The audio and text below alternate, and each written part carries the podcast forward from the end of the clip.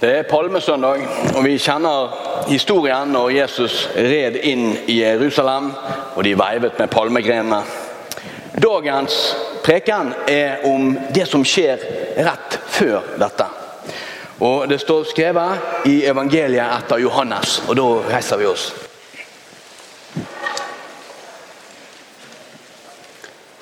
Seks dager før påske kom Jesus til Betania, der Lasarus bodde. Han som Jesus hadde vekt opp fra de døde. Der holdt de et festmåltid for han. Martha var tjener, og Lasarus var en av de som lå til bords med han. Da tok Maria et pund ekte dyr nardussalve og salva Jesu føtter og tørka dem med håret sitt.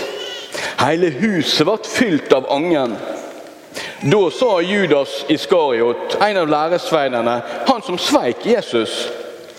Hvorfor ble ikke denne salven solgt for 300 denarer og pengene gjevne til de fattige?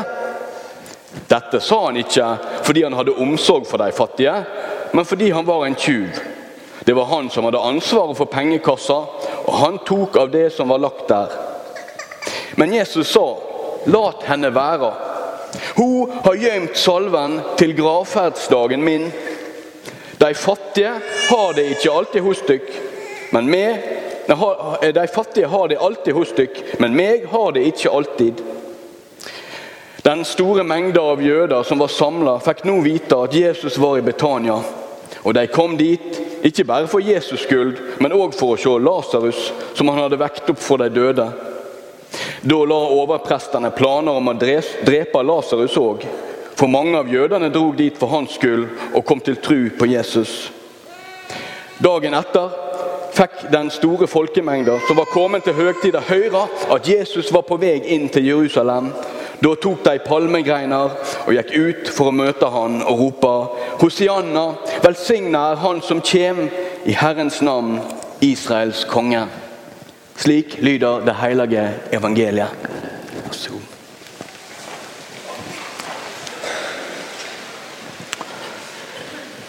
For ikke lenge siden så eh, var det plutselig mange ungdomsskoleelever, en del barneskoleelever, som streiket. De streiket fra skolen, lagde plakater og gikk ut blant folk og ropte Vi må ta vare på miljøet! Vi, må, vi, må, vi, vi kan ikke holde på sånn. Jordkloden vår, den dør. Vi er den kommende generasjonen. Dere må høre på oss, dere voksne. Og øh, Min sønn han gjorde det. Jeg tenkte egentlig bra. Bra engasjement. Eh, flott. Eh, og det var verdt å ta, ta fravær på én dag der og gjøre det der. Ja, Det var viktig å ofre noe for det der. Mm. Men så var det andre folk som skrev på Facebook. Og jeg vil si at det var en overveldende stor andel eh, middelaldrende, godt voksne menn som skrev. Og det var noen sånn som dette. Jo da, her eh, protesterer de liksom mot mot miljøet, eller for miljøet. Og, ja, ja, ja. Men de skal bli kjørt til skolen og de skal bli kjørt til trening. Når jeg var ung, da, da måtte vi gå, og vi sobbet gjennom kjempemye snø. Og så måtte vi sykle alle plasser og si ja, ja, ja. ja, ja, ja.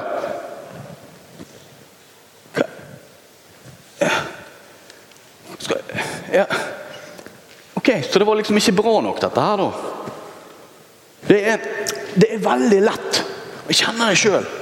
Utrolig lett. Og så Du ser på noen som engasjerer seg veldig i noe, så blir vi litt sånn moraliserende. Ta det nå litt, litt med ro. Uh, du er ikke noe bedre enn andre. Det ser du veldig engasjert i det der. Men jeg er engasjert i mine ting, jeg òg. Så ikke, ikke lag så mye styr. Akkurat det tenker jeg skjedde i denne fortellingen. Her kom Jesus hjem til Lasarus, som han hadde vekt opp fra de døde. Eh, Maria, nei Martha, søsteren, hun var tjener, står det. Hun står og jobber på kjøkkenet. Det har vi hørt andre historier om i Bibelen. Martha hun jobber, står på. Men så er Lasarus, som ble vekt opp fra de døde, han lå til bords med Jesus. Han lå der. Og syntes det var sikkert kjempestas at Jesus kom der, og, og han kunne ligge til bords med Jesus. Det var helt topp. Og så har du da den tredje søsteren, Maria. Hun gjør noe veldig rart. Hun tar en dyr, dyr salve. For å forklare dere hvor dyr denne salven er. Den er, var verdt i dagens kurs 400 000 kroner. 400 000 kroner driver Maria og smører utover føttene til Jesus. Fyller, hele rommet blir fylt av denne lukten. Og så han Lasarus ligger til bords der og ser at hun holder på med dette. Martha hun jobber, styrer på. Hun ser dette her. Alle disiplene til Jesus de er der. De tenker I huleste er det hun holder på med? Smører, sløser vekk store, dyre summer på Jesus. Er du helt mm. Og så er det en som står fram og sier det. Og det er Judas. Du, hallo. 400 000 kroner sløser du vekk på Jesus.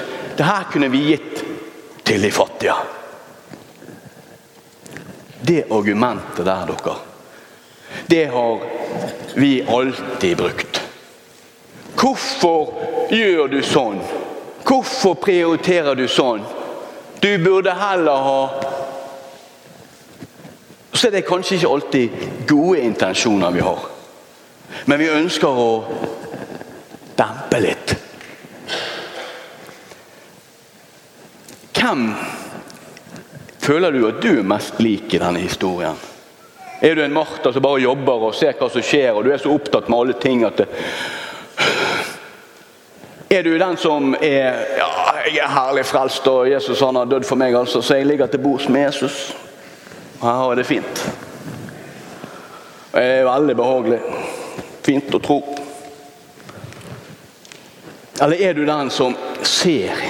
Ser et sånt overilt engasjement hos enkelte mennesker, og så føler du på deg at det er din oppgave å si fra og roe ned litt. Men den Jesus løfter fram her, det er Maria. Som bare pøser på. Hun tenker ikke morgendag eller noe. Jesus er her nå. Han skal få alt. Og jeg bryr meg ikke hva andre tenker. Så sier Jesus noe. Vi har de fattige hos oss hele tiden. Og jeg tenker det at Jesus han var der da. Nå er han hos Faderen. Han er i hjertene våre. Han er hos de fattige. Og Hvis vi skal ligne en av disse personene her Vi Som typer så er vi forskjellige. Men jeg, jeg utfordrer deg til å slippe litt alle hemninger. Og tenke litt sånn som Maria. Og tenke ok, hvem er Jesus? Hvor er han? Hvem er det han, hvem er det han vil være hos? Hvem er det han vil, er, jo, det er de som sørger. Det er de som er fattige. Det er de som er ensomme. Der er Jesus. Og så utfordrer han oss til å pøse på. Pøse på med vår overflod. Med vår tid, våre krefter, våre penger. Og gi. Gi alt vi har. Og så kommer du til å møte mennesker som vil moralisere det ned. Ro deg nå ned. Du ser jo helt kakilsk ut. Du kunne brukt pengene på noe annet. Du kunne brukt tiden din på noe annet. Det er alltid noe annet vi kan bruke tid og krefter og penger på enn de svakeste. Men det er de som trenger det mest. Maria hun gjør én ting til. som kanskje hun ikke ante da. Det Maria gjorde, det var en profetisk handling. Hun peker på noe som de egentlig ikke helt forsto skulle skje, men som kom til å skje. Jesus hadde sagt det så mange ganger. 'Jeg skal dø. Jeg skal gi livet mitt for dere.' Og kanskje Maria hadde skjønt det. Men at hun salver Jesus før han dør, det viser bare hva som skjedde etter han døde.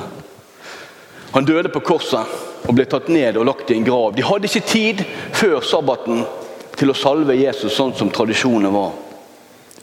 Maria sin handling den peker framover mot det som skulle skje.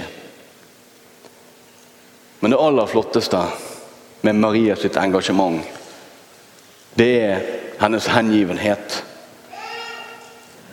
Og vi kan trygt gi av oss sjøl til Jesus. For han sto opp på påskedagen. Han er kjærlighetens kilde. Han er seierherren over døden. Han vil alltid være med oss hver dag så lenge verden står.